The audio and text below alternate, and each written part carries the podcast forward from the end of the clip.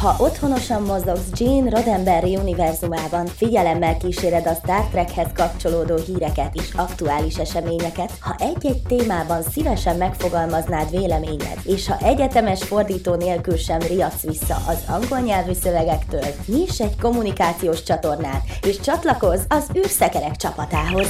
Olyan alkalmi és állandó szerzőket keresünk, akik szívesen áldoznák szabadidejük egy részét a Star Trek hazai népszerűsítésének. Küldj egy e-mailt az űrszekerekkukac.emtv.hu címre és jelentkezz! űrszekerekkukac.emtv.hu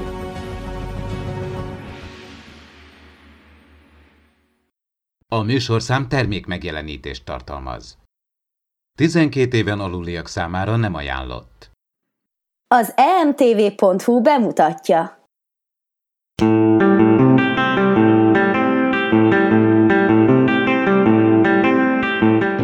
Podcast. A fedélzeten Csaba, Attila és Dév.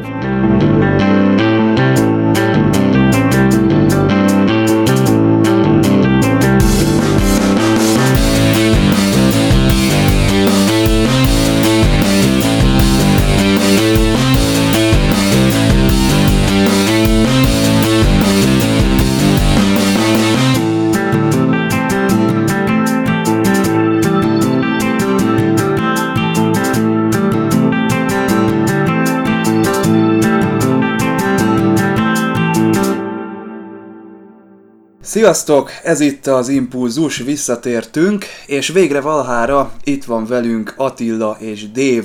Hát a rövidre sikerült nyári szünetünk alatt, ami inkább egy ilyen szezon elejé szünetre sikerült. Foglalkoztatok-e valamilyen szinten a Star Trekkel? Követtétek esetleg a híreket, vagy újra néztetek egy-egy epizódot? Én a TNG-t próbáltam újra nézni, most már magyar, magyar nyelven, mert eddig én németül láttam, és természetesen így a különböző konok, meg különböző rendezvényeket igyekeztem így a Te most nézed először követni. magyarul?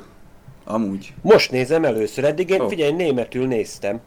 Az Én németül kemény. láttam ugyanúgy, mint a szat egy. Hát nekem se Viaszat, se TV4, nekem ilyen csatornák nem voltak sose.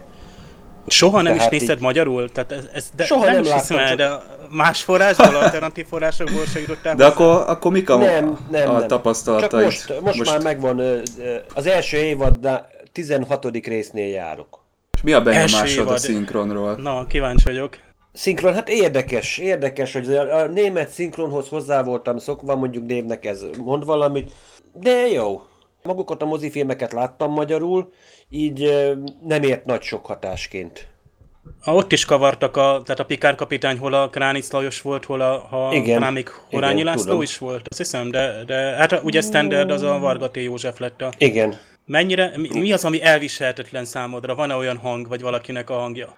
Hát még szerintem még nem jutottam el. Marina Sörtis magyar hangja hogy tetszik? Mert ő nem, ritkán hasonlít színésznő, jó, szép lágy hang, de azért Igen. határozott tud lenni. Jó, de azért gondolom, egyszer-egyszer elcsípted a magyar változatot is tévébe, csak most így következetesen nem, először nem nézed. Meg, nem, figyelj, nekem, nekem Soha nem, nem is volt, hallottad? Nem volt se Viaszat, se TV4, hát nálunk itt nem volt. Figyelj, Kábel TV Aha. 2000, 2007-től van. És abban nem volt, csak Viaszat, de 3 volt, de akkor már nem volt. Ja, hatot nem tették be. Hát én olyan oda mentem volna valami de akkor irigyellek téged, mert most te first, first impression van, tehát ez tök jó dolog. Figyelj, az, azért szoktam mondani, hogy figyelj a, a First Contactot, azt láttam angolul is, a Youtube-on, meg láttam németül, annak idején a Sat 1 meg a magyarul, a, amikor a TV2 adta például este 10 órakor azért volt, hogy azért, mint, mint mindig említettem, hogy eh, én mondjuk a német címét mondom valamelyik epizódnak, és akkor fogjátok a fejeteket, hogy miről van szó. Egyedül Dave érti, hogy miről,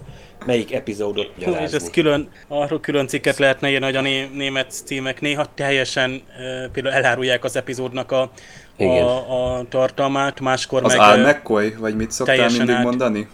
Átírnak. Igen.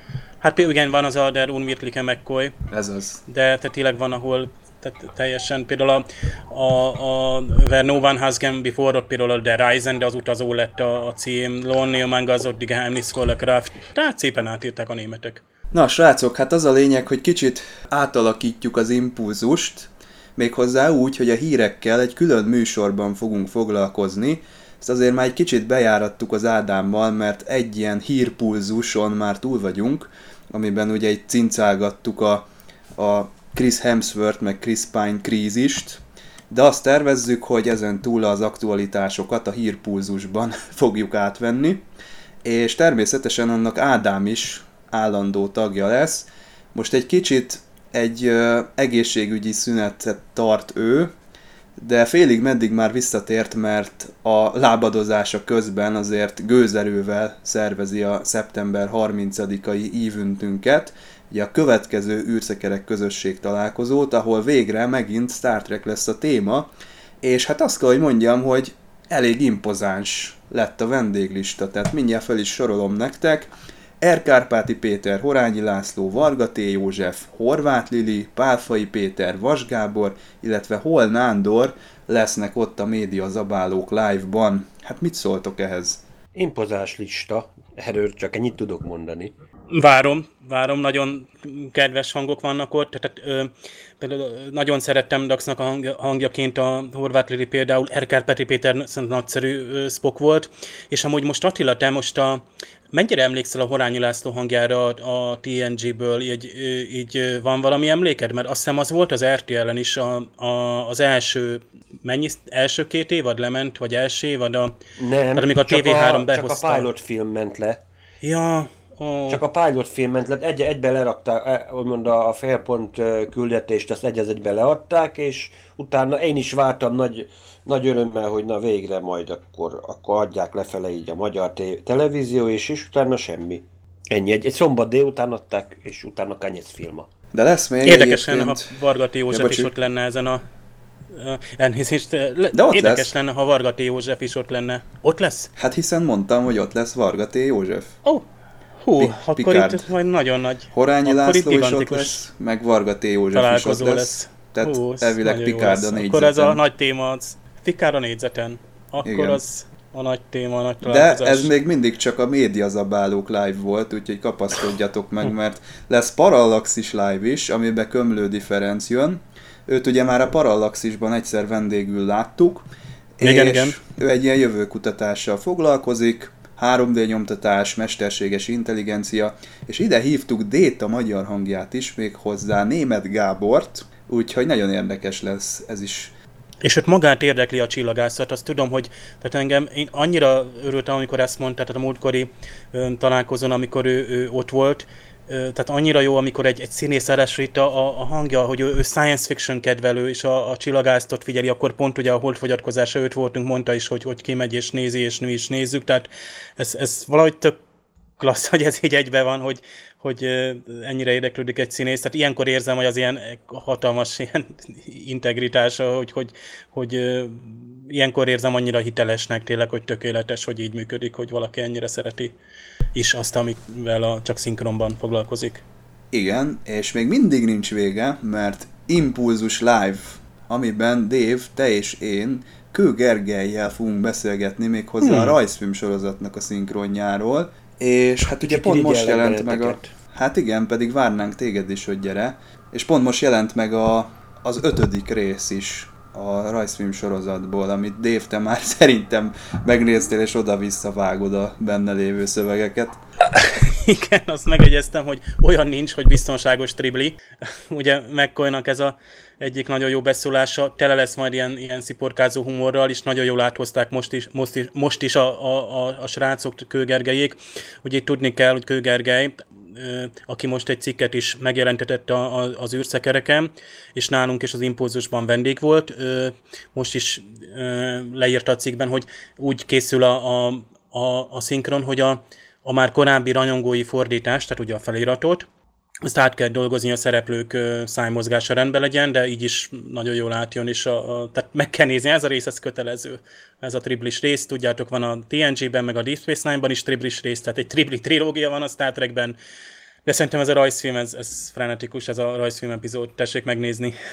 Mielőtt bele csobbanunk a mai fő témába, még egy dolgot kérdezek tőletek. Úgy tűnik, hogy eléggé beleszünk táblázva januártól, hiszen jön a Discovery, meg az Orville is, de előtte is lesz mivel megtölteni a hírpulzust, meg gondolom azért ö, fognak csordogálni az aktualitások. Tervezitek-e azt, hogy újra nézitek mondjuk a Discovery-t vagy az Orville-t, mielőtt januárban elkezdjük a, a folytatásoknak a megtekintését. Én biztos, hogy mindkettőt be fogom szerezni Blu-ray-en, és ledarálom őket. A Discovery-t azt mindenképpen, mert azért mi vagy második évad jön, tehát így most már egybe, látva, egybe összefüggően látva magát az évadot, így most már olyan kis apró részleteken, amik esetleg fontosak lehetnek, most én nem fogok tudni átsiklani, hanem tényleg most már látni fogom, hogy mi az, ami esetleg segíthet majd a következő évadnál, hogyha tényleg meg kell próbálnunk fantázián, hogy mi lesz, mi nem lesz. Kis ismétlés lesz megint. Az De ne csak egyszerűen megnézd. Ne csak hát megnézd, a, hanem nézd meg, a, nézd meg a Discovery epizódokat, utána nézd meg mindig az after track és utána hallgass végig mindig az Impulzus Podcast megfelelő adását, ami kitárgyalja a Conteo szekcióval együtt az adott epizódot. Aj, ez remek ez itt termékelhelyezés. ez kitűnő volt. De egyébként ö, azt hittem, hogy azt fogod mondani, Dave, hogy a lorkára nagyon figyeljünk oda, mert ugye most, hogy már Júj. tudjuk, hogy mi lesz a vége, ugye az apró... Azt imádni fogom, hát előre várom, Igen. hogy mit fog csinálni jó az apró amit nem vettem észre. Igen, így, így sokkal érdekesebb. De van egyébként, így vagyok egyébként néha egy a TNG-nél is, hogy vannak ilyen kis apró dolgok, hogy hoppá, hogy úgy beugrik, ami ilyen később, amikor így mesélnek a különböző ilyen fellépéseken a színészek, és hopp, hopp, így vissza, visszagondol az ember, pont amikor mi menet közben így nézem, hogy hoppá, igen, ez történt, az történt. Ja, mint amikor a TNG 7. évad végén Picard feláll a íróasztalától, és, és, és elárulja, hogy hát ő végig a Tikör univerzumból származott, és nagyon nehéz volt megjátszani a magát, ilyen karót nyert, fegyelmezett, és erkölcsös volt egész végig. Nem, mondok neked ennél jobbat. Tudod, van a, amikor tudod, az a maroknyi déta, azt hiszem az a magyar címe annak Igen. a hatodik vagy Fistful ötödik of Data, ez És tudod, hogy na, ugyebár arról volt szó, hogy ugyebár az a ö, epizód, az tudod, a vadnyugat is, és Igen, annyi, az emlékeztes. Senki nem, gond, senki nem gondolt, hogy a Durango karakter annyira sikeres lesz, hogy tudod, hogy egyszerűen tudod, tudod, ezek a Durango babákat is elkezdtek csinálni, egyébként lehet találni egyébként, aki akar, az lehet rendelni az internetet. Minifigura? De a végén, persze, hát tudod, a Troy tudod, Ez ilyen action toy, vagy? fenyvajodász. Hát, ma, hát majdnem, mint egy action baba. Hát, Kérdés, Déta, mint markotányos nő, nem kapható esetleg? Tényleg? Kicsoda? Déta. Ki nem pár hölgy volt, vagy hogy kellene konzum hölgy, nem tudom, hogy kéne így szépen mondani. Hát, hogy finoman, igen. Mondom, hogy Stuttgartban itt, mint kiderült, aki elmondta, hogy a Michael Dorn utána morgott, hogy ez az én epizódom, ez az én epizódom, hogy ezen morgott mindig, hogyha így a szóba hozták ja, ezt mert a Déta elvitte a sót, mi? Nem a Déta, a Durango. De mondom, az, ez a Durango babá, babák miatt, hogy emiatt morgott egyébként Michael Dorn. Hát meg, meg tudod, volt a gyanta, meg egyebek, de azt majd máskor. de ilyen sokáig vártak, hogy a Star Trekben űr western epizód legyen. Azért ez... Igen, aztán az Enterprise-ban volt még, azt hiszem, egy ilyen. Aha. Ezek jó, jó mondjuk volt a Tosban is volt. Utána az Enbe is volt, a többiben nem is volt egyébként. Na majd a Discovery-ben megint egy jó western. Én föl vagyok rá készülve, uh-huh. hogy megint megcsinálják, mert az... Hát Or- Orville-ben volt valami spanyol holofaluban volt. Ja, igen, táncoltak ott epizódban. a tetőn azok a banditák. igen, igen, és akkor program áll, mert probléma van.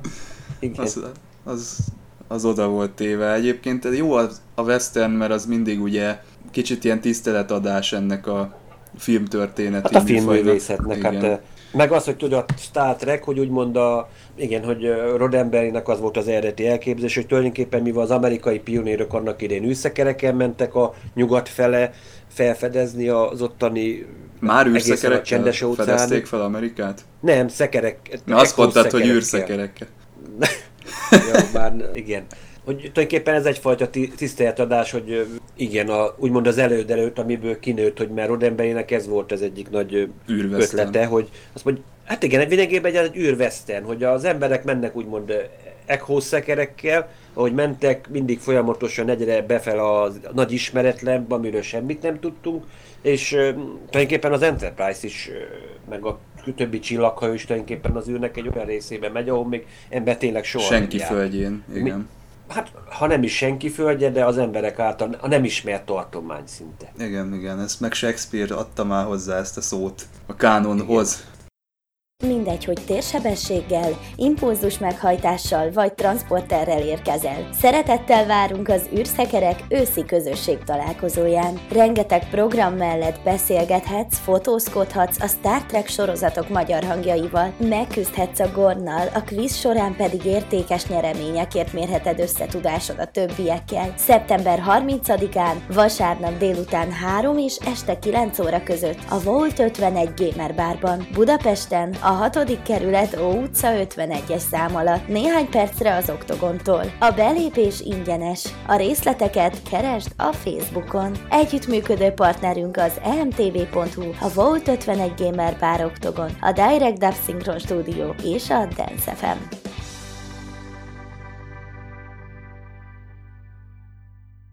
Figyelem! A műsorban spoilerek bukkanhatnak fel.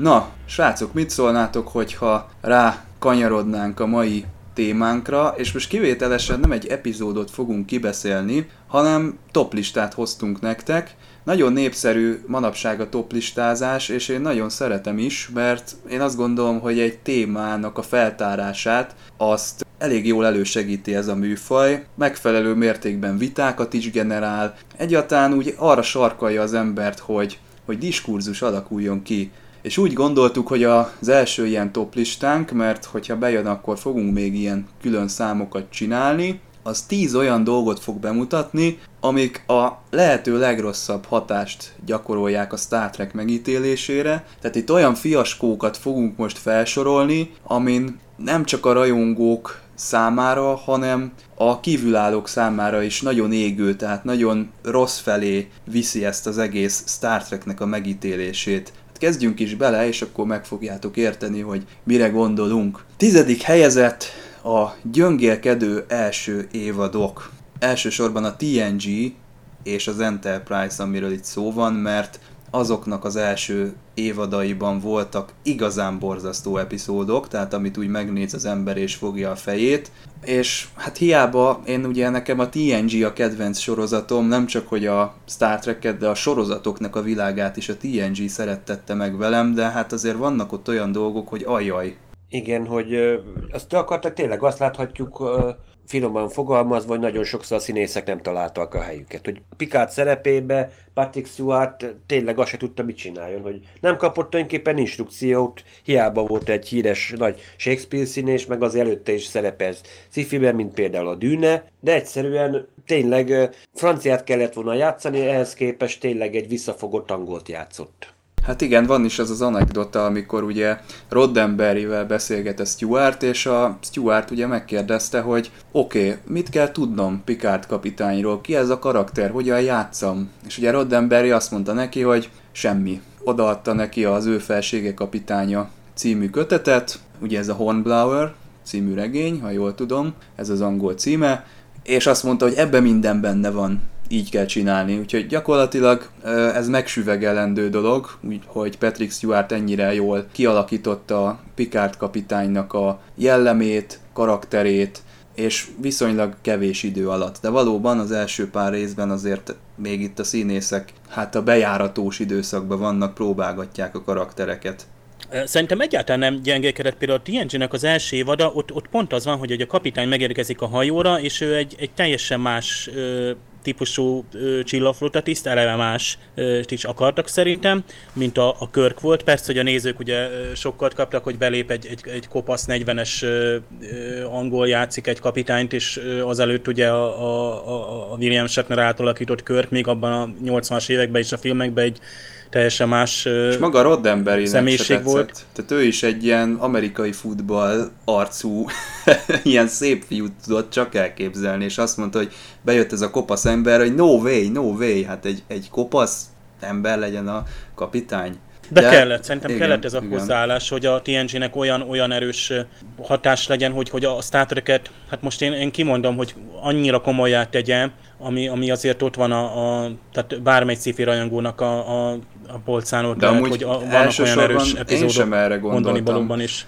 E, én se erre gondoltam volna, hogy a, a színészeknek bele kellett rázódni a, a karakterekbe, hanem inkább van mondjuk a, a Naked Time című epizódnak az, a TNG is megfelelője, hát ez borzasztó. Igen, borzasztó. Az... Tehát az, hogyha a külső az meg túl korán volt, meg igen. ott borzasztó volt például a Wesley, tehát úgy általában. Tehát, az, tehát föl az, van az gyorsítva, hogy a Data rakosgatja ott a kártyákat, mit tudom én, hát a, a toszba se tetszett nekünk. csipeket. Így van, köszönjük a szakmai hézakpótlást. A, a másik meg az egyébként, hogy bele kellett rázódni, most csak annyit teszek hozzá, hogy azért néhányan a színészek közül nem televíziós ö, színészek voltak, hanem színpadiak. Azért a Patrick Stewart is azért jobb, inkább színpadi színész volt, Őnek is ez volt a problémája. Marina is egyébként említi, hogy ő is, hogy nagy színpadon tudod, bevágja végig a szöveget, és akkor úgy felmondja. Itt meg, meg gyakorlatilag egy jelenet van, átnézed, megtanulod,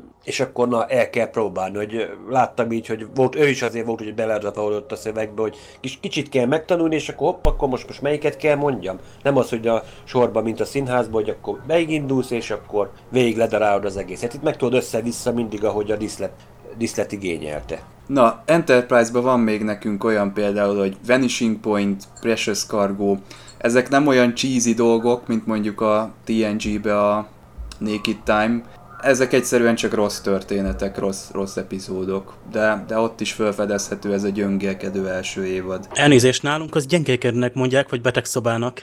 Jó, vágópont.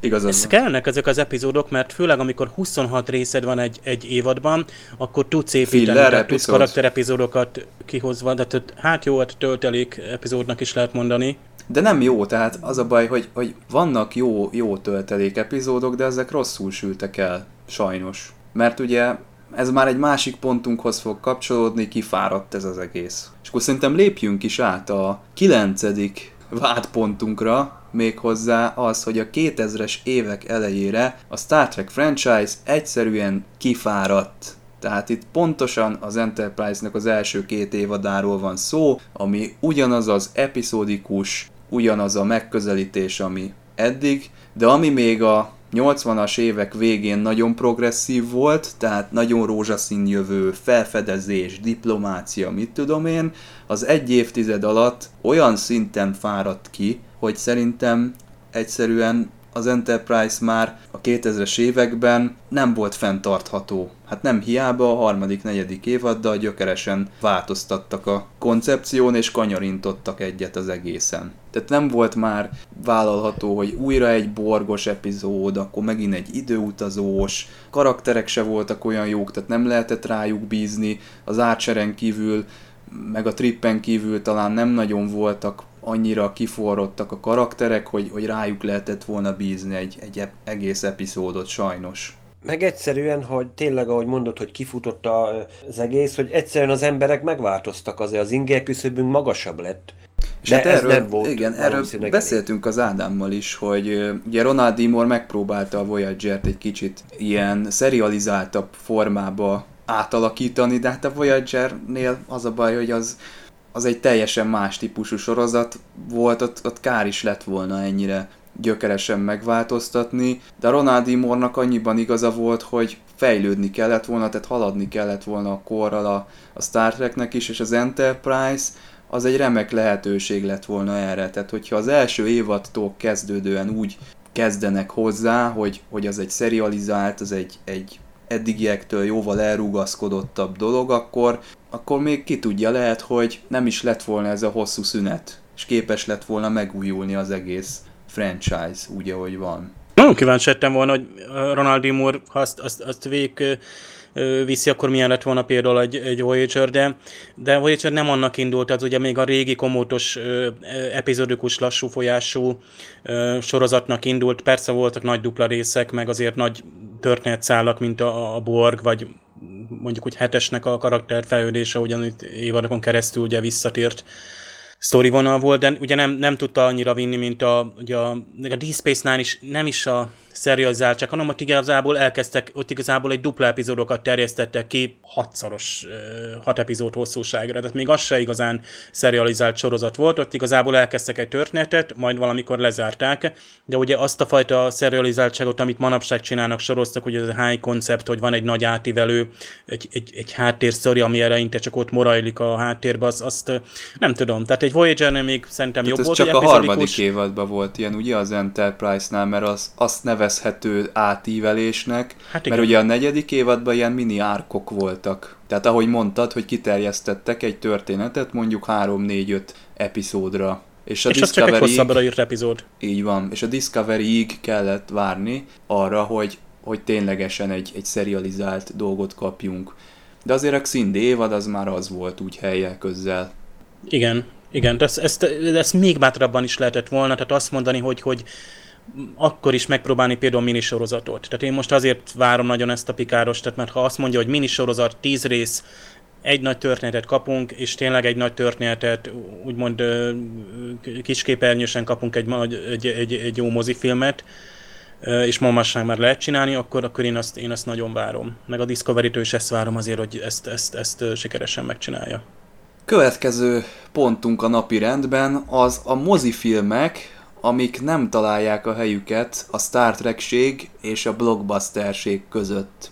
Ugye Dave, ezt alapvetően a te ötleted volt, hogy jelentessük meg a listába, és nagyon jó ötlet volt, mert valóban érezni ezt a dolgot. Igen, itt három dologra is gondolok. Tehát van, van először is az, hogy a Star Trek mozifilmek ugye a sorozatokból nőttek ki, lásd ugye a, a már a gyakor, hát nem is tudom, én inkább a TNG mozifilmekre mondanám azt, hogy az nőtt ki jobban a sorozatból, mert gyakorlatilag az közvetlenül utána ugyanazzal az íróstábbal a színészeknek is néhány szinte hónap után ö, álltak ugye a, a mozikamera elé, ö, vagy a filmes kamera elé, és, és ö, szinte tényleg csak átléptek, és éppen ezért érezzük, hogy van olyan, például a, a 9. mozifilm, ö, ugye ö, űrlázadás, ami ilyen sorozat jellegű, tehát egyrészt, hogy sorozatból nőttek ki, másrészt ugye, hogy blockbuster, ugye most az az elvárás, hogy nagyon durva, nagyon látványos legyen, meg hogy hardcore science fiction, tehát kapjunk egy, egy eredetet vagy interstellárt egy, egy minden science fiction mozival. És ez a három út... Ezt a ez- csillagösvényben nem biztos, megkaptuk tudja azért, nem? egyesíteni.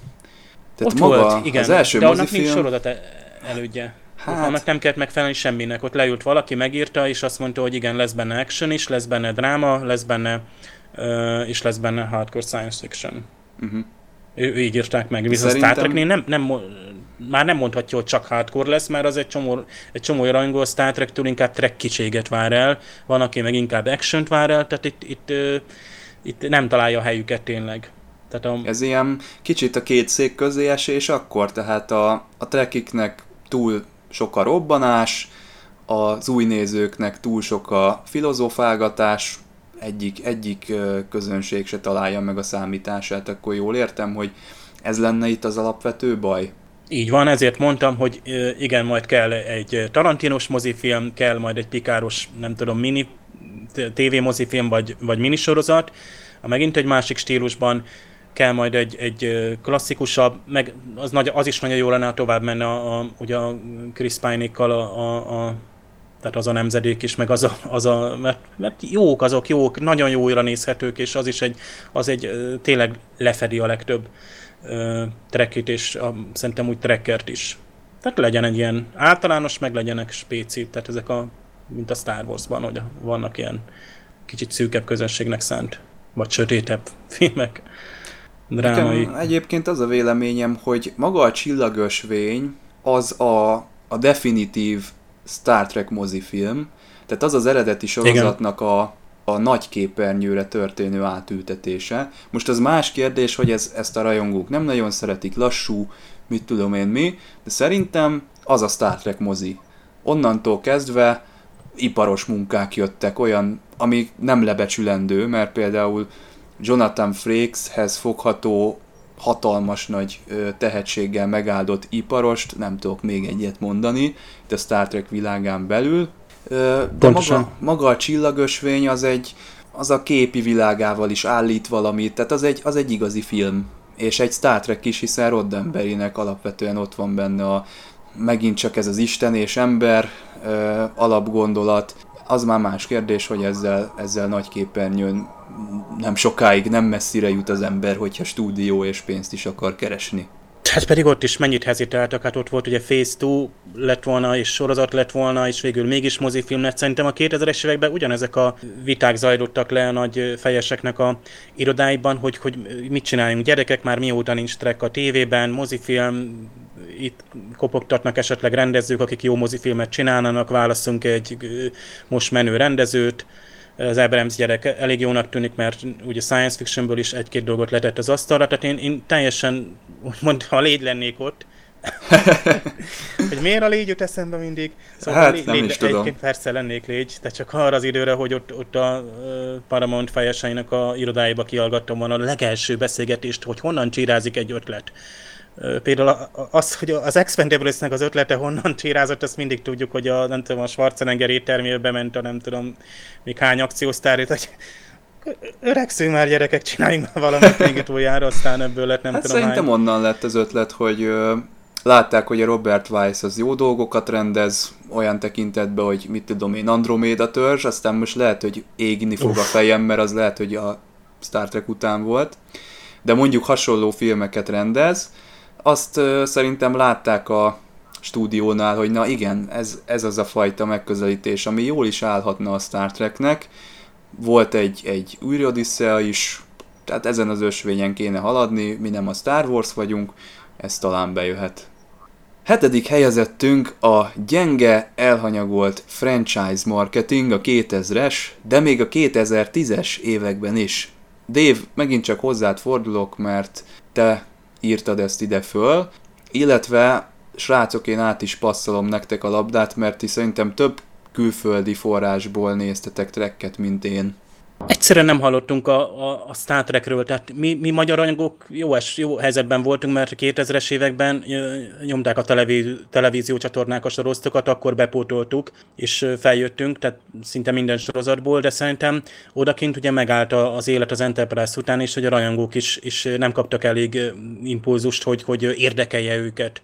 És a, mond a rajongók nem kérdezik, vagy nem követelik az, az új filmet, akkor pedig akkor már tényleg ott volt, ott volt a net ami alapján szerintem a Star Trek ebben is lemaradt, hogy ott, ott ez kicsit órivatú volt a hozzáállása az, hogy vagy éppenséggel pont azt az időszakot kihagyta, hogy a, rajongókkal való kapcsolattartás. Most aztán, hát nézzétek meg, hogy a Discovery-t mennyi netes jelenlét kíséri, át nyomják tényleg a CBS hivatalos közösség oldalai. Ez jó is, így is kell, és akkor 2000-es években ezt így kihagyták. Tehát a üres időszakban is valamit tolni kellett volna, azt hiszem csak játékok voltak, vagy nem tudom, hogy... Meg a tv 7-ben megjelentek a nagy interjúk a színészekkel, gondolom. Na igen. Magazin, azt hiszem még az volt a, a Star Trek magazin, az, az akkor is ment. Igen, mert én is azt mondhatom, hogy én 90 6-tól tudtam ténylegesen nézni mondjuk Star Trek-eket, az ugyanúgy természetesen csak az, hogy nagyon sokáig tényleg csak németül láttam mindent, és akkor utána, még a 2000-es években akkor, akkor is még addigra jutottam el odáig, hogy szinte minden sorozatot láttam végig, ha más ilyen-olyan nyelven. Tehát kicsit csúszásba, ami már nekik szünet volt a külföldön, külföldieknek, nekem még akkor még tartott úgymond az ív. De Mondjuk ezt én értettem, amikor végül is kijött az új, az első Kelvin film, hát akkor tényleg először nagyon megrőltem, hogy na most lesz valami új, és hát mondjuk utána később azért kicsit már, amikor filmet látva már kicsit vegyes érzelmeim voltak, hogy jó, mondjuk akkor is mondjuk tényleg a német televíziók azért, műholdas televíziók azért a reklámozást azért ugyanúgy nyomták a magyarral együtt szinte egyformán, de akkor valami, nem tudom, nekem már akkor valami hiányzott. Nem, tudom, nem tudnám megfogalmazni még most sem. Újrajátszások voltak, hogy a német csatornák is nagyon nyomták, hogy rengeteg ismétlés volt főcsatornákon is, meg így egész jó műsoridőkben. Arra emlékszem, hogy én, amikor hogy szereztem tudomást a, a, az új, tehát a 2009-es filmről, hogy 2007 8 vagy mikor, tehát akkor már megvolt a casting, úgy kezdett jönni, és akkor pont voltam kint akkor Ausztriában is, akkor egy Star Trek, akkor á, ugye az a szokásom, hogy ott meg szoktam venni, akkor még volt német nyelvű kiadása a Star Trek magazinnak, ma már nincsen sajnos. Tehát a, a, a nyomtatott havi print magazinnak sajnos nincs már német kiadása. És a lényeg az, hogy megláttam a Simon Pegget a címlapon, hogy ő lesz az új Scotty, és hát nagyon vakartam a fejemet, hogy ez, ez most mi, mi, lesz, hogy lesz, hogy lehet ő a Scotty. Tehát én, én, én akkor kezdtem el földolgozni ezt az egészet, amivel ugye úgy akkoriban évekig foglalkoztunk, hát tényleg évekig, hogy, hogy a Chris Pine az tényleg jó, jó körke, hogy a, a Carl Urban tényleg jól adja a McCoy dokit, és így tovább is, és tehát hogy elsőbb a karakterek, tehát volt ez az identitás zavar, amivel szerintem az egész Star Trek franchise-nak ugye ez volt, hogy zavara volt, és a rajongók is keresték, hogy, hogy most akkor a Chris Pine-nal kell azonosulni, és ő az új körk, és akkor így próbáltak elfogadni, lázadni, hogy az nem, nem, nem, ő nem, nem körk, nem is úgy néz ki. De aztán például Carl Urban annyira átvette a, a mccoy a gesztusait, hogy ott szerintem onnan indult ki, egyébként Zachary Quinto is nagyon jó Spock lett, lett egyébként, tehát ha azt veszük, nagyon összenőttek a karakterükkel és szerintem ott megmentett, szerintem megmentette a mozik, ott megmentették a franchise-t végül is. Mondjuk érdekes egyébként, hogy itt Karl Urban említett, mert tulajdonképpen őt kedvelik legjobban mondjuk a régi track színészek is azt mondják, hogy Karl Urban bármikor bevennék úgymond a saját csapatukba is egyébként, többször nyilatkozták. Hmm. De tényleg egyébként. Hát nagyon jól hozza amúgy a mccoy Igen, én mondjuk azt mondom, hogy tényleg az összes karakter közül még, még Pine-t tudom mondani, de mondjuk de Ur, Kál Urban azért, mivel látta, mondjuk én előtte inkább a Dumba láttam. Szerintem... A Dreadbíróban, ahol nem láttuk Dreadbíróban nem láttam, mert el voltak arról. Abban még nem láthattam. Csak le, lebigyedt a szája. 2000, Dreadbíróban nem láttam. 2009 előttről beszélünk. ja. Tehát, de mondom így eddig, ő volt mondjuk a legjobb. Ő hozta tényleg azt a megkolyos figurát, tényleg elő, elő tudta adni tényleg azt a szurkálódó, reali, realizmus talaján álló, mindenbe belekötő ördögügyvédjét.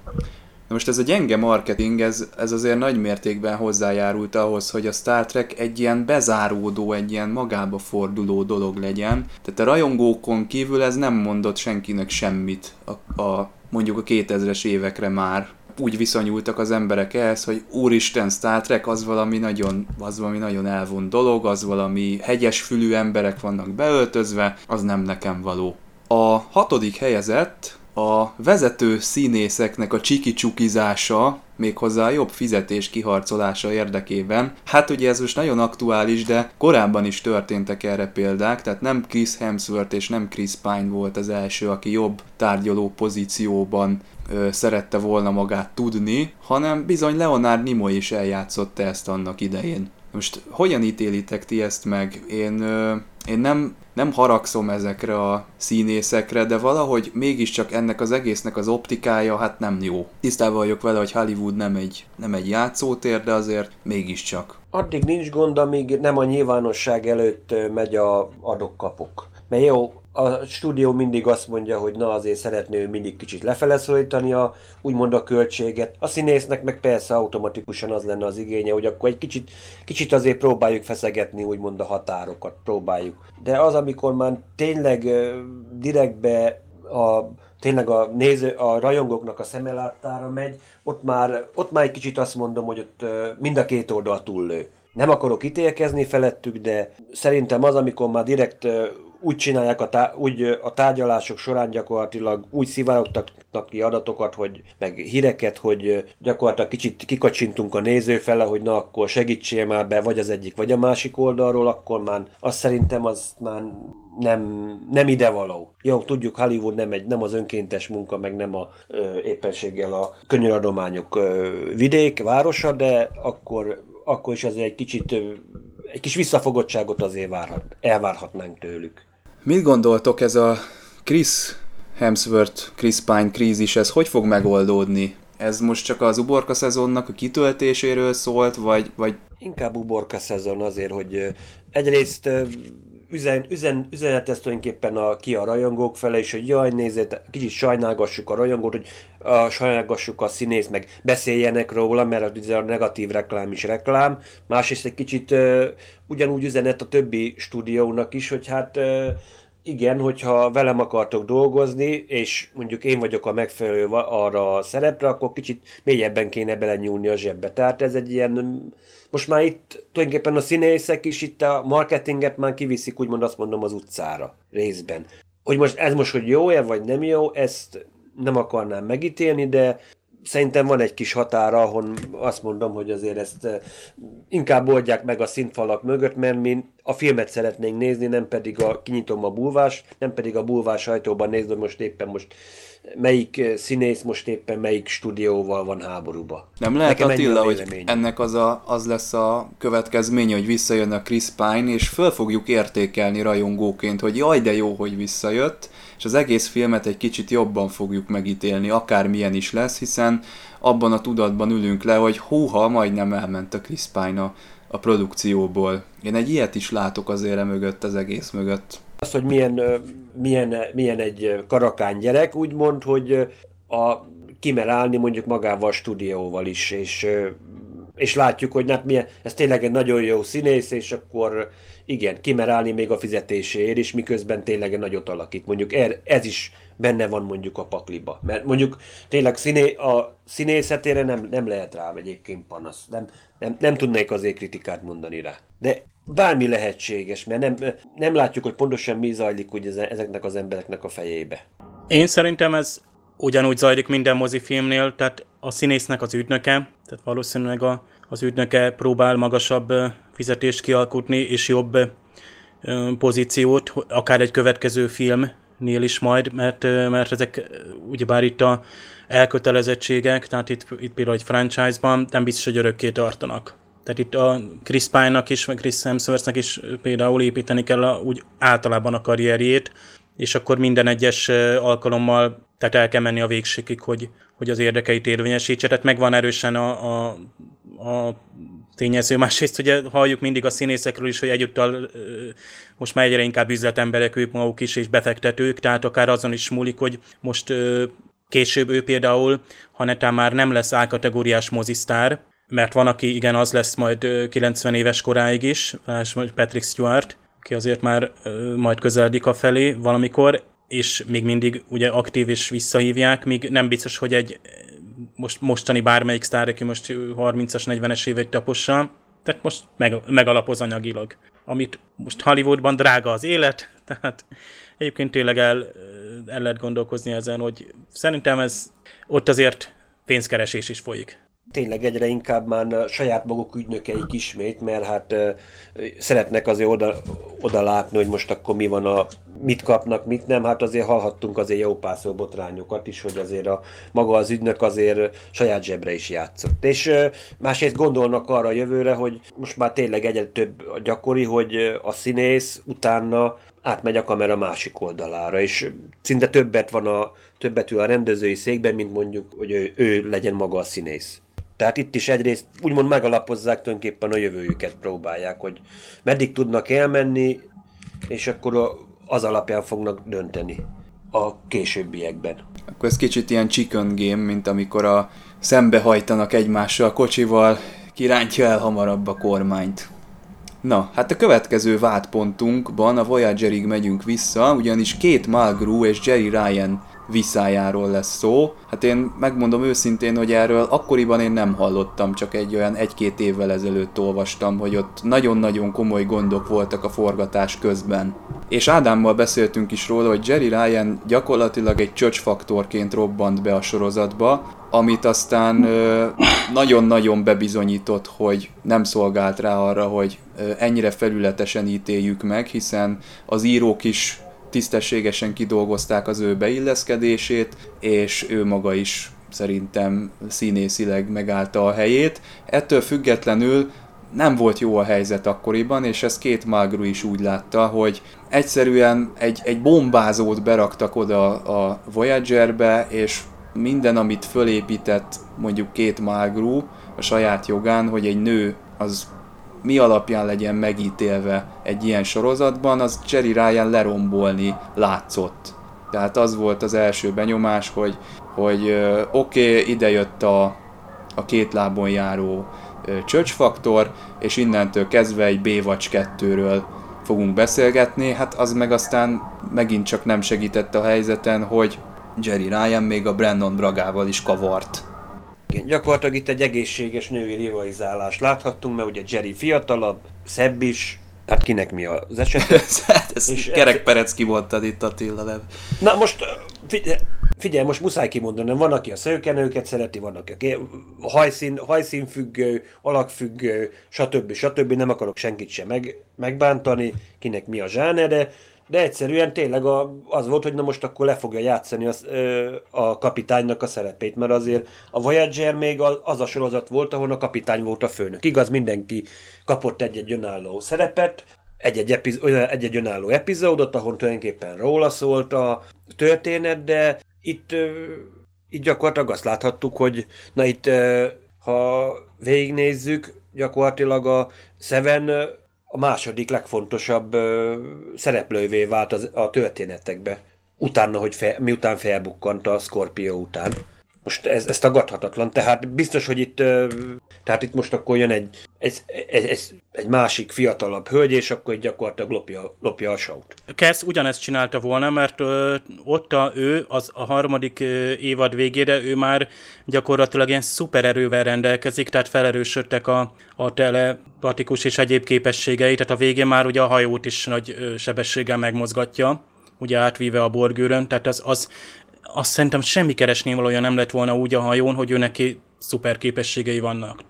Tehát ez a tehát az nekem egyáltalán nem tetszett a kezdet Már arra gondolsz, hogy a emberek a között ő, ő nem mindenképpen egy hatalmas ambíciót alakított volna ki, és eltaposta volna őket? Hát de mi lett belőle, amikor a öreg kezd visszatért, látjátok, hogy mi lett belőle. Tehát hát igen. Ő, elvette az a hatalom az, az eszét, tehát amikor bosszúvágytól fűtve visszatért, és itt, itt hiába mondjuk, hogy egy kedves, aranyos figura volt ott a, a, a doki mellett, és őt kiegészítette. Viszont a, a, a Seven meg a, a doktor, az, az, az, az már kiváló páros volt. És annélkül, hogy ott, ott jó, ott volt persze Dokinak a romantikus érdeklődése, de az egy nagyon sajátos határok között mozgott. Bár azt hiszem, azt, aztán már ő is megkapta azt a plusz uh, szoftveres vagy hardveres kiegészítést? Hát hardverest. Végül Igen. is nem tudjuk mondani. hát itt plusz szubrutint adtak. Mit számít itt hardvernek, meg szoftvernek? firmware De egyébként megkapta. Kicsit szerintem könnyedebben kezeljük a helyzetet, mert ugye hogyha csak egy viszályról lenne szó, vagy egy rivalizálásról, akkor nem is került volna ide a toplistára, de sajnos itt annyira durva volt ez a helyzet, hogy Jerry Ryan gyomorgörcsel ment dolgozni, és nem tudta már eldönteni, hogy most meg tudja csinálni az adott napot, azt a forgatást, amit, amit neki végig kéne játszania. Hát egész egyszerűen ennyire durva volt a helyzet. Tehát nagyon-nagyon elkapódzott ez a dolog, akármi is volt ennek a forrása. És ez már azért, akár honnan is nézzük, elég rossz fényt vet erre az egész franchise-ra. Igen, erről egyébként panaszkodtak ö, többször is. Egyébként, hogy azt mondták, ö, ilyen összehasonlítás volt, tam Terry Farrell hasonlította össze, meg Marina így a forgatásaikat, hogy a tényleg a TNG-be 7 éven keresztül szó szerint, csak, szó szerint ment a poénkodás, már a DS9-nál gyakorlatilag szinte vigyázba álltak szinte a, a forgatási szünetekbe is, tehát azt mondták ég és föld, hogy mi történik, hogy mit, mi történt ennyi idő alatt, hogy hát egyik helyen tényleg szinte öröm volt dolgozni, pedig meg voltak a maguk problémáik, amik a háttérben, amiket csak úgy szivárognak ki most néhány éve, a különböző fellépéseken pötyögtetnek el így a színészek, és egyszerűen csak tényleg csak kapkodjuk a fejünket, hogy mik történtek a háttérbe. Hogy egészen idáig, hogy szinte majd, hogy nem azt mondom, hogy kiutálják Jerryt a sorozatból. Mert gyakorlatilag ez szinte, ez majd, hogy nem ez azt, annak a határán volt. Én gyanítom egyébként, hogy ha van egy színész társulatod, és beledobsz egy Brent Spinert, meg egy Jonathan Frakes-et, akkor akár mennyire karót nyelt emberek vannak ott, az a csapat az csettintésre át fog alakulni egy jó hangulatú poénkodó társulattá. Ez mondjuk ez igaz, mert egyébként látod mindig, ha megnézed az ilyen verkfilmeket, akkor ott ö, ö, általában mindig Frakes volt a főmókamester, na utána mondjuk ö, Michael Dorn az meg a csendes gyilkos, hogy ő ott ö, ő vevő az ilyen poénokra. De tényleg nézd meg egyébként ilyen különböző YouTube, mondjuk a 2013-as Calgary kont kéne megnézned, ott hárman ott ülnek, és akkor, akkor, vet, akkor, tudod, akkor jöttek be fel, tudod, ezek a digitális kamerák, és akkor azzal is ott szórakoznak, egymást, hogy egymást lefotózzák, Marina ott közben ott majd megfolytaná mind a kettőt. Itt mondom, ott, ott, ott, ott szó, az ilyen hülyeségkedésben benne vannak, hát tényleg de viszont ilyet viszont nem látol, hogyha megnézed a verfilmeket, akár DS9-nak, vagy a, akár Voyager-nél, vannak, vannak, de utána már csak az Entnél látol különböző ilyen poénokat. De hát a voyager is voltak, hát Tim Russ volt a legjobb mókamester. Hát egyszer például jó, volt, volt az a rész, volt, amikor viszont, álom, Csekoti álmában... Ja, igen, az a, a, a, a fingópárnára gondolsz? Mert azt hiszem, hogy nem, a tuvok péniszére. Összes... Hú, hát egy jobbnál jobb dolgokat mondtok itt. Tehát Jó, ott arról szól, hogy rémálmok pénisz. mindenkinek. Hát azt hittem, hogy ez egy szolid műsor a miénk. És a tuvok, tuvok állítólag mesztelenül, elvileg ugye az álmában mesztelenül sétált, ugye mivel az egy tök kellemetlen helyzet egy vulkáninak. Na most viszont a forgatásnál a Timothy az tényleg levet között, és hát volt valami gatyafélesség rajta, de egy óriási műpéniszt kötött előre, és amikor találkozott ugye az nőkkel, ő nekik ugye tényleg abszolút ez a zavar vele, és hogy igen, jó reggelt nagy minden rendben, menjünk tovább. Tehát ő megcsinált ilyeneket, szóval és lehet, hogy pont ez kellett azért, hogy azért ott feloldja ezt, ha netán ott volt a színésznek között ilyen ö, ellentét. Hát szerintem egyébként csiralmas lehet úgy bemenni dolgozni, hogy, hogy tudod, hogy, hogy görsbe vagy, mert valaki nem kedvel, nem szeret, nem tudsz kijönni vele, már pedig egy csomó jeleneted van vele, és két színész hát egymásra reagál a, a színházban is mindegyik előadás más és más, mert a két színész, aki párbeszédben van, máshogy hozza ki azt a jelenetet. Hát ezt tudom képzelni, hogy tudták megoldani a, a két Na hát ez az, hogy ez is mutatja, hogy mennyire jó színészek, hogy gyakorlatilag egy-két-három hát évvel ezelőttig nem is tudtunk erről a dologról, fel se tűnt a film alapján, hogy itt lehet valami a háttérben. Jó színészek. Igen. Sőt, még mondok valamit, mert ráadásul még ott a férfi-női ellentét is kijött a két uh, tábor között a Voyager-nél, úgyhogy ott a, voltak külön csajos uh, uh, esték, bulik, hogy a, tényleg ott két Mugrav meg a többiek elmentek, és volt a, külön a férfiak. A Virsli parti az egy külön szórakozó hely. Külön, külön volt, és akkor egymást kérdezgették, hogy hát miért nem mehetünk a másik partira, úgyhogy megvoltak. Atya úristen. Na, hát, ahogy haladunk előre a listán, egyre súlyosabb incidensekkel találjuk szembe magunkat. A következő ilyen, a negyedik helyezett, az Enterprise lezárása szörnyűséges epizód, Ugye a fő vádpontok a rajongók felől azok szoktak lenni, hogy csak egy holofedélzeti szimulációban történik meg gyakorlatilag a cselekmény, a föderációnak a megalapítása, ugye táskás szemű Riker, látszik, hogy, hogy az az epizód, amiben be van ez ágyazva, az, az nem, nem szinkronizálható össze a, a 10-15 évvel ezelőtti állapotokkal. Tripnek a kinyírása, hát ez az egész, ez, ez ennek a megítélése síralmas. Nekem nem száll a szememben az epizód, sőt ez a holofedélzeti, ez nekem egyenesen zseniális volt, ugyanis én, én, én akkoriban azt hittem, hogy, hogy itt tényleg azzal zárul, hogy vagy gyakorlatilag az egész Enterprise sorozat egy holografikus szimuláció volt, és ezt lelkileg sok mindent elretett volna akkor bennem, de azóta ezzel is így megbékéltem. nekem rendben van az epizód. Tehát jó trippet persze, azt én is, ugyanúgy, mint a Star Trek 10 azért nem szeretem egyetlen egy dolog miatt, hogy a déta miatt, tehát itt, itt lehet azért gyűlölni az epizódot, ugye trip miatt. Máskor meg nagyon jó volt látni ugye a, a TNG-s színészeket, nekem az mindig egy megerősítés, hogy akkor, akkor tényleg egy, tehát úgymond elővesznek régi karaktert és színészt, az, az nem mindennapi epizódban szokott lenni. Tehát itt próbáltak valamit nagyot kihozni a végére, kvázi. Szerintem szerették volna bemutatni, hogy ők hogyan gondolták a sorozatnak a lezárását, tehát ez lett volna. És ugye így, így sikerült, de a, addig, tehát ezt eddig értem. Oké, okay, eddig világos a koncepció, de nem tudom, hogy oda hogy jutottak el, hogy ezt egy TNG-be kell beleágyazni. Tehát ne érts félre, én is szeretem, hogyha megjelenik vendégszereplőként a mondjuk a Riker, akár a Voyager-ben megteszi ezt, de az egy teljesen más tészta, hogy hogy újra kell alkotni az egész TNG környezetet. Ö, igen, egyébként ez a Pegasus című epizód volt, azt hiszem, ami, aminek a Igen, ami meg egy kitűnő epizód amúgy. Igen, érdekesen együtt megnézni, tehát hogy hogy, hogy, hogy, hogy illik össze, tehát tényleg egyszer megcsinálom, valami nagy felbontású Egyszerre a kettő, Viszont, két kijelzőn. Igen, úristen. Ott félnék azért, hogy rájövök, hogy ott mennyire gyenge esetleg az a díszlet. Nem, itt, itt, itt, itt arról van hogy a TNG az olyan etalon, hogy, hogy ha annak a környezetébe ágyazott be az Enterprise-t, akkor az, az hirtelen kanonizálódik, vagy én nem is tudom, mit gondoltak. Tehát valami, valami ilyesmi volt, hogy tehát még a Voyager-be is megjelent például Riker. Tehát, tehát itt, itt, itt lehet, hogy TNG az tényleg végigkíséri, most visszatér majd Picard nem sokára, de itt, itt, itt, olyan nem csodálkoznék, ha majd valahogy a Discovery is beágyazná, és nem csak így a, az eredeti sorozat szereplőivel manipulálna minket. Szóval szerintem van akkora ereje, meg tett le annyit a, a TNG olyan emblematikus tehát track szempontból, hogy, hogy ha azt hozott fel példaként, akkor, akkor azt az a megerősíted a itt alapvetően az a baj, hogy a TNG-t egy, egy más fajta kamerákkal, másfajta rendszerben vették fel, és hogyha tényleg megcsinálod azt, hogy egymás mellé teszed a, a Pegazust, meg ezt, a, ezt az Enterprise utolsó részt, akkor, akkor olyan kicsúszik ez az egész dolog a keretrendszerből.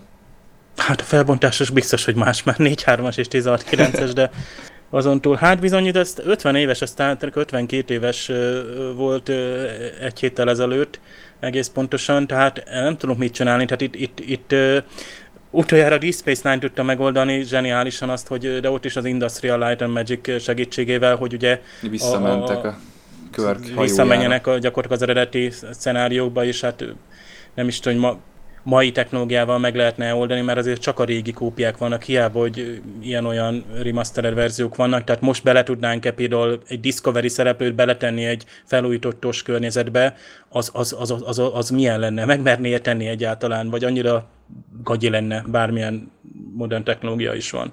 Harmadik helyezettünk a Discovery gagyi CGI bemutatkozása. Ugye ez a bizonyos First Look, Hát ez eléggé megpecsételte a, az egész Discovery sorozatnak a fogadtatását, és itt jön ki ténylegesen az, hogy akár rajongó vagy, akár kívülálló, ez borzasztóan rányomta a bélyegét a megítélésére egy franchise-nak. Gondolj bele, hogyha kívülálló vagy, és esetlegesen arra gondolsz, hogy megnézzem-e a Star Trek-et, vagy ne nézzem meg, és meglátod ezt a trélert, akkor inkább elmegy a kedved az egésztől ha a legelső trailerre gondolok, amikor az az aszteroidás jelenet, hát én nem tudtam mit gondolni, hogy ez Annyira nem volt gáz, mert egy csomó ideig nem láttunk trekket, tehát ott nem tudtad, hogy mi, mi, mi lesz és hát mi pont ez, pont ez volt a baj. Másodszorra hogy... tűnt nekem is csak fel, meg főleg amikor jött ez a uh, shitstorm uh, az egészről, és akkor jobban megnézted, és láttad, hogy út, ez tényleg gáz, vagy felemelted a fényerőt netán,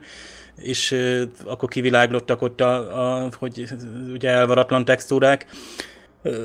Hú, ha időutazó lennék, na, ha időutazó lennék, akkor az első két perces nagy trélert, azt visszadobnám arra a Comic-Conra, és ott keresnék a, az emberek, hogy hol vannak a, a székek karfái. Tehát, de hát ezt nem lehet megcsinálni.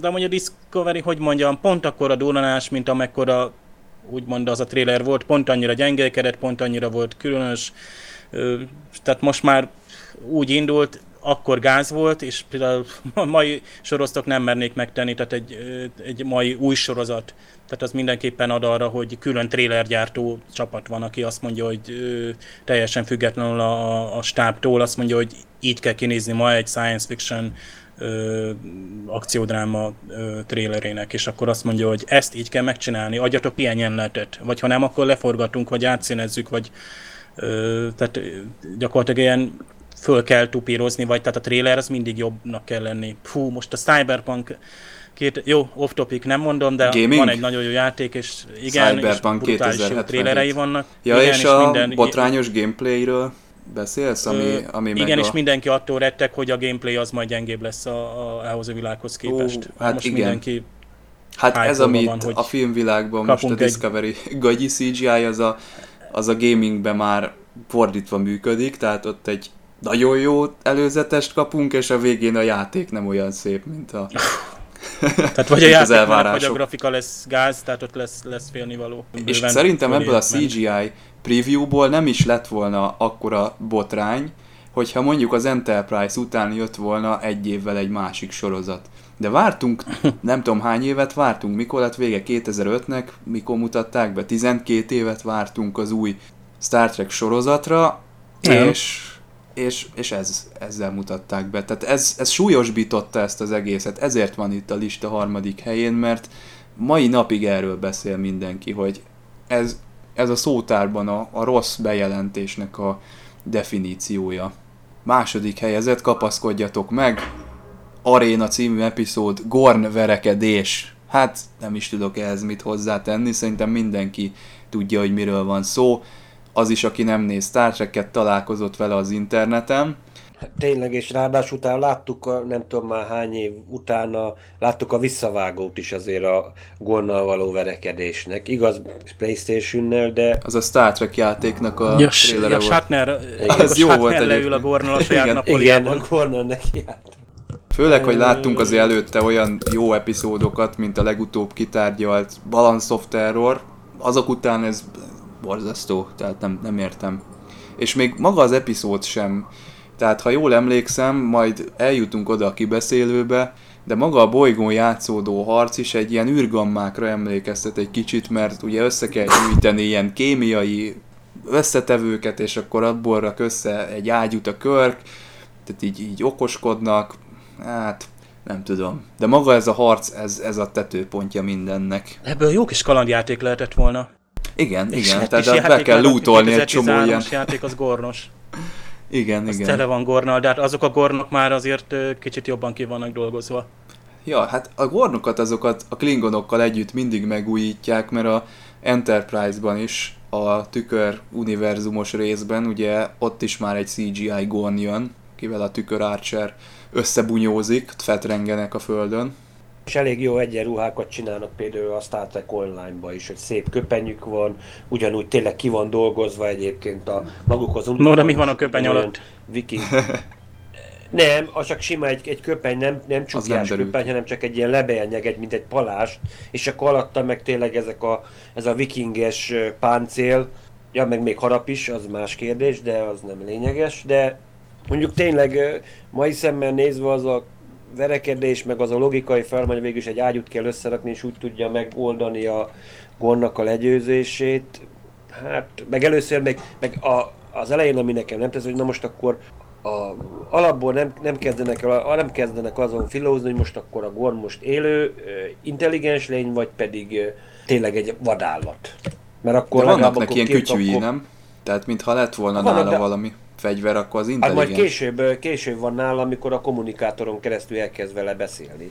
De először még legalább annyi lett volna, hogy Kirk mondja, hogy hey haver, beszéljük meg, tudod, ilyen Han Solo-s módon, jó, mondjuk 66-ban még nem volt, 60-as években még Han Solo még sehol nem volt, de akkor tényleg, hogy na, beszéljük meg, vagy valami, hát Tudjátok, hogy mely, melyik a jó gornos rész? A TNG-ben a Darmok, tehát így kellett volna megcsinálni az arénát is például egy ilyen kapcsolatfelvétellel.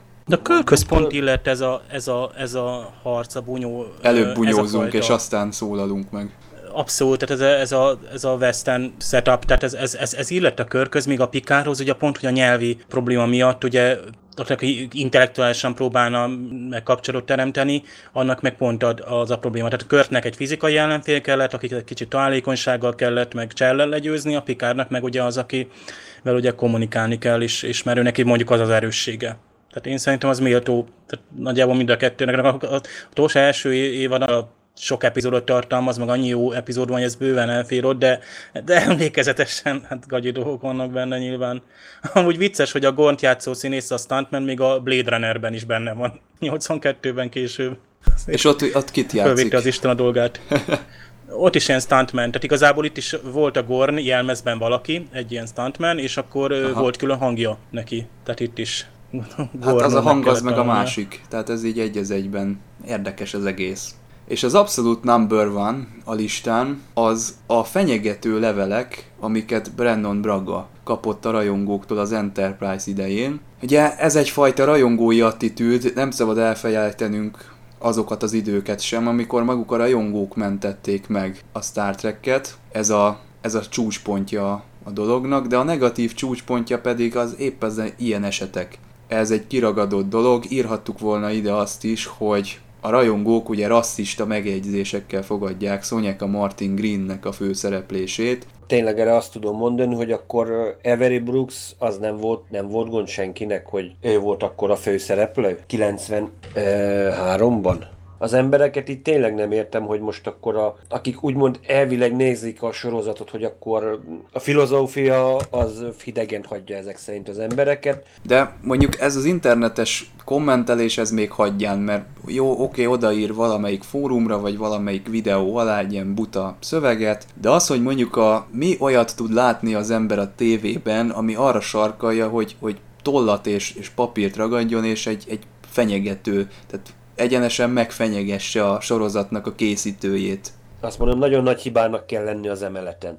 Én csak ezt tudom mondani. Szerintem ezen nem is kell, szerintem ezt nem is kell túragoznunk. Most a Brandon Braga az eleve egy olyan ember, aki, aki a céltáblája volt ezeknek a rajongói kitöréseknek, és ö, szerintem méltatlanul azért voltak neki valóban mellé nyúlásai. Tehát volt egy-két olyan epizód, például a Voyager-ben a, ugye a tízes térsebesség, amikor ugye Peris és Janeway azon a bolygón, hát egészséges ilyen, ilyen hüllő gyerekeket ö, sikerült a világra hozniuk, de Brandon Braga azért szerintem mindig egy végtelenül őszinte ember volt, tehát ő az ilyen Blu-ray extrákban mindig elmondja, hogy igen, ezt és ezt nagyon elrontottuk, de mindemellett hatalmas nagy dolgokat tett le az asztalra valami innovációt mindig be kell vinni, és ilyenkor mindig megvan a, a, az a rajongói ellenyomás, ami, aki szeretné ugye abban a kerékvágásban tudni a kedvenc sorozatát, de itt megint az, hogy Star Trek folyamatosan egy, egy kerékvágásban mozogna, ráadásul már ugye a kezdetektől fogva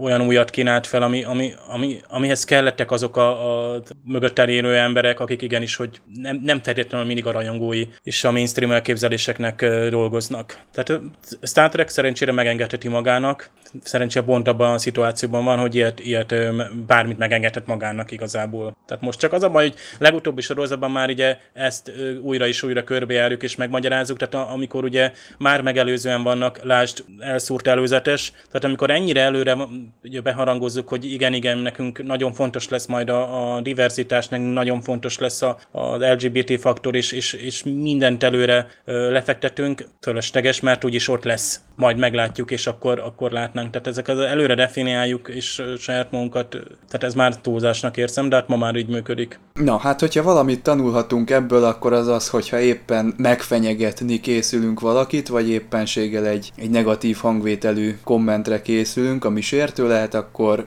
mindenképpen vegyünk egy nagy levegőt, és gondoljuk át újra ezt az egészet. Egyébként ez lett volna a mai toplistánk. Természetesen lesznek pozitív kicsengési toplistáink is, de ugye az impulzusban mindig igyekszünk azért pozitívan közelíteni a Star Trekhez, ezért nagyon ránk fért egy ilyen kritikusabb hangvételű adás is, és természetesen azzal is tisztában vagyunk, hogy biztos, hogy van olyan fiaskó, ami kimaradt ebből a felsorolásból, de nagyon nagy volt a vízhangja, úgyhogy ebben a tekintetben rajtatok a sor, írjátok meg kommentben, esetleg e-mailben, hogy ti mit láttok a lehető legproblémásabb dolognak a Star Trek franchise körül, ami nagymértékben rontja az egésznek a megítélését. Hát erre a hétre köszönjük szépen a figyelmet, igyekszünk visszatérni a híreket kitárgyaló hírpulzussal, illetve heti kibeszélők természetesen ezen túl is lesznek. Addig is mindenkinek kellemes hétvégét kívánunk, szervusztok!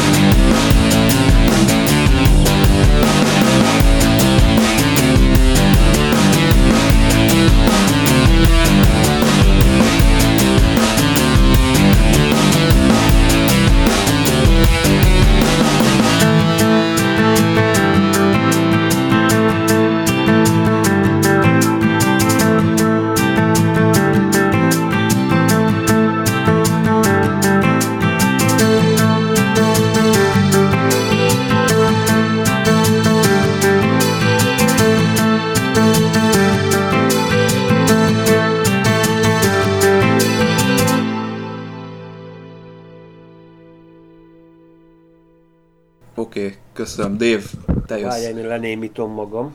Ja, de már nem kell az a, tehát vigyázálásba ülni, meg némítani, tehát pont az... Ö, Hú, pedig én fölvettem a díszegyenruhámat is, mikor te megszólalsz, Dave. no várjunk, melyik rész egyenruha? Tehát Hát a, természetesen a, az eredeti sorozatos. Az űrszekerek megbízásából készítette az Impulzus Produkció. Produkciós vezető Farkas Csaba. A műsorszám termékmegjelenítést tartalmazott.